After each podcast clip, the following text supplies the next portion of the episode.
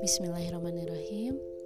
Nah, yuk kita mengenal lebih dalam lagi kisah Nabi Musa alaihissalam.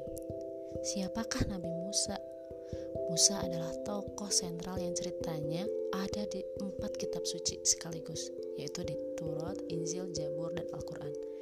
Perjalanan hidupnya ternukil dengan indah di dalam Al-Quran sejak ia masih dalam kandungan hingga puncaknya ketika beliau membelah lautan. Di Al-Quran ini menggambarkan Musa alaihissalam sebagai tokoh yang super super super teramat sangat minus. Nih, maksudnya minus di mananya nih? Nih kita coba ya e, beneran deh nih kita telah lagi ya ceritanya lebih dalam lagi kita kenali lagi.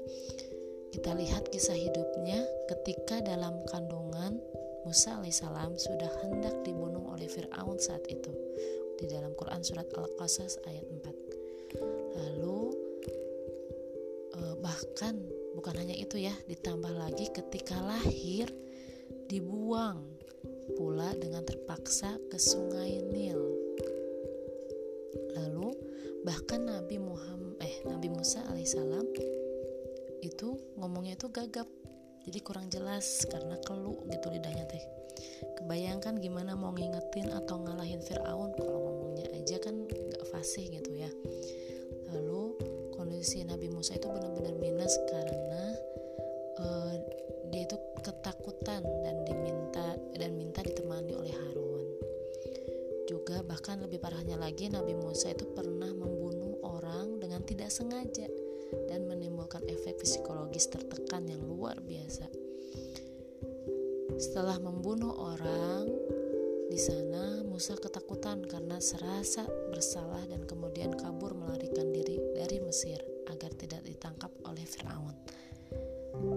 Nah, tapi anehnya Allah malah memerintahkan Musa kembali lagi ke Mesir untuk mendakwahkan Firaun. Ini ada di Asyuruk ayat 10 sampai 11. Masya Allah, subhanallah ya. Kita melihat tokoh Musa yang teramat-amat super minus Melawan tokoh Fir'aun yang nyata-nyatanya saat itu super duper Dan sangat keren berkuat dan berkuasa. Yang mungkin sulit untuk ditandingi gitu ya. Jika kita membayangkan menjadi Musa Kondisi yang minus Melawan Fir'aun yang sangat super Kira-kira apa yang hendak kita tanyakan pada Allah? Ya Allah, bagaimana caranya mengalahkan Firaun?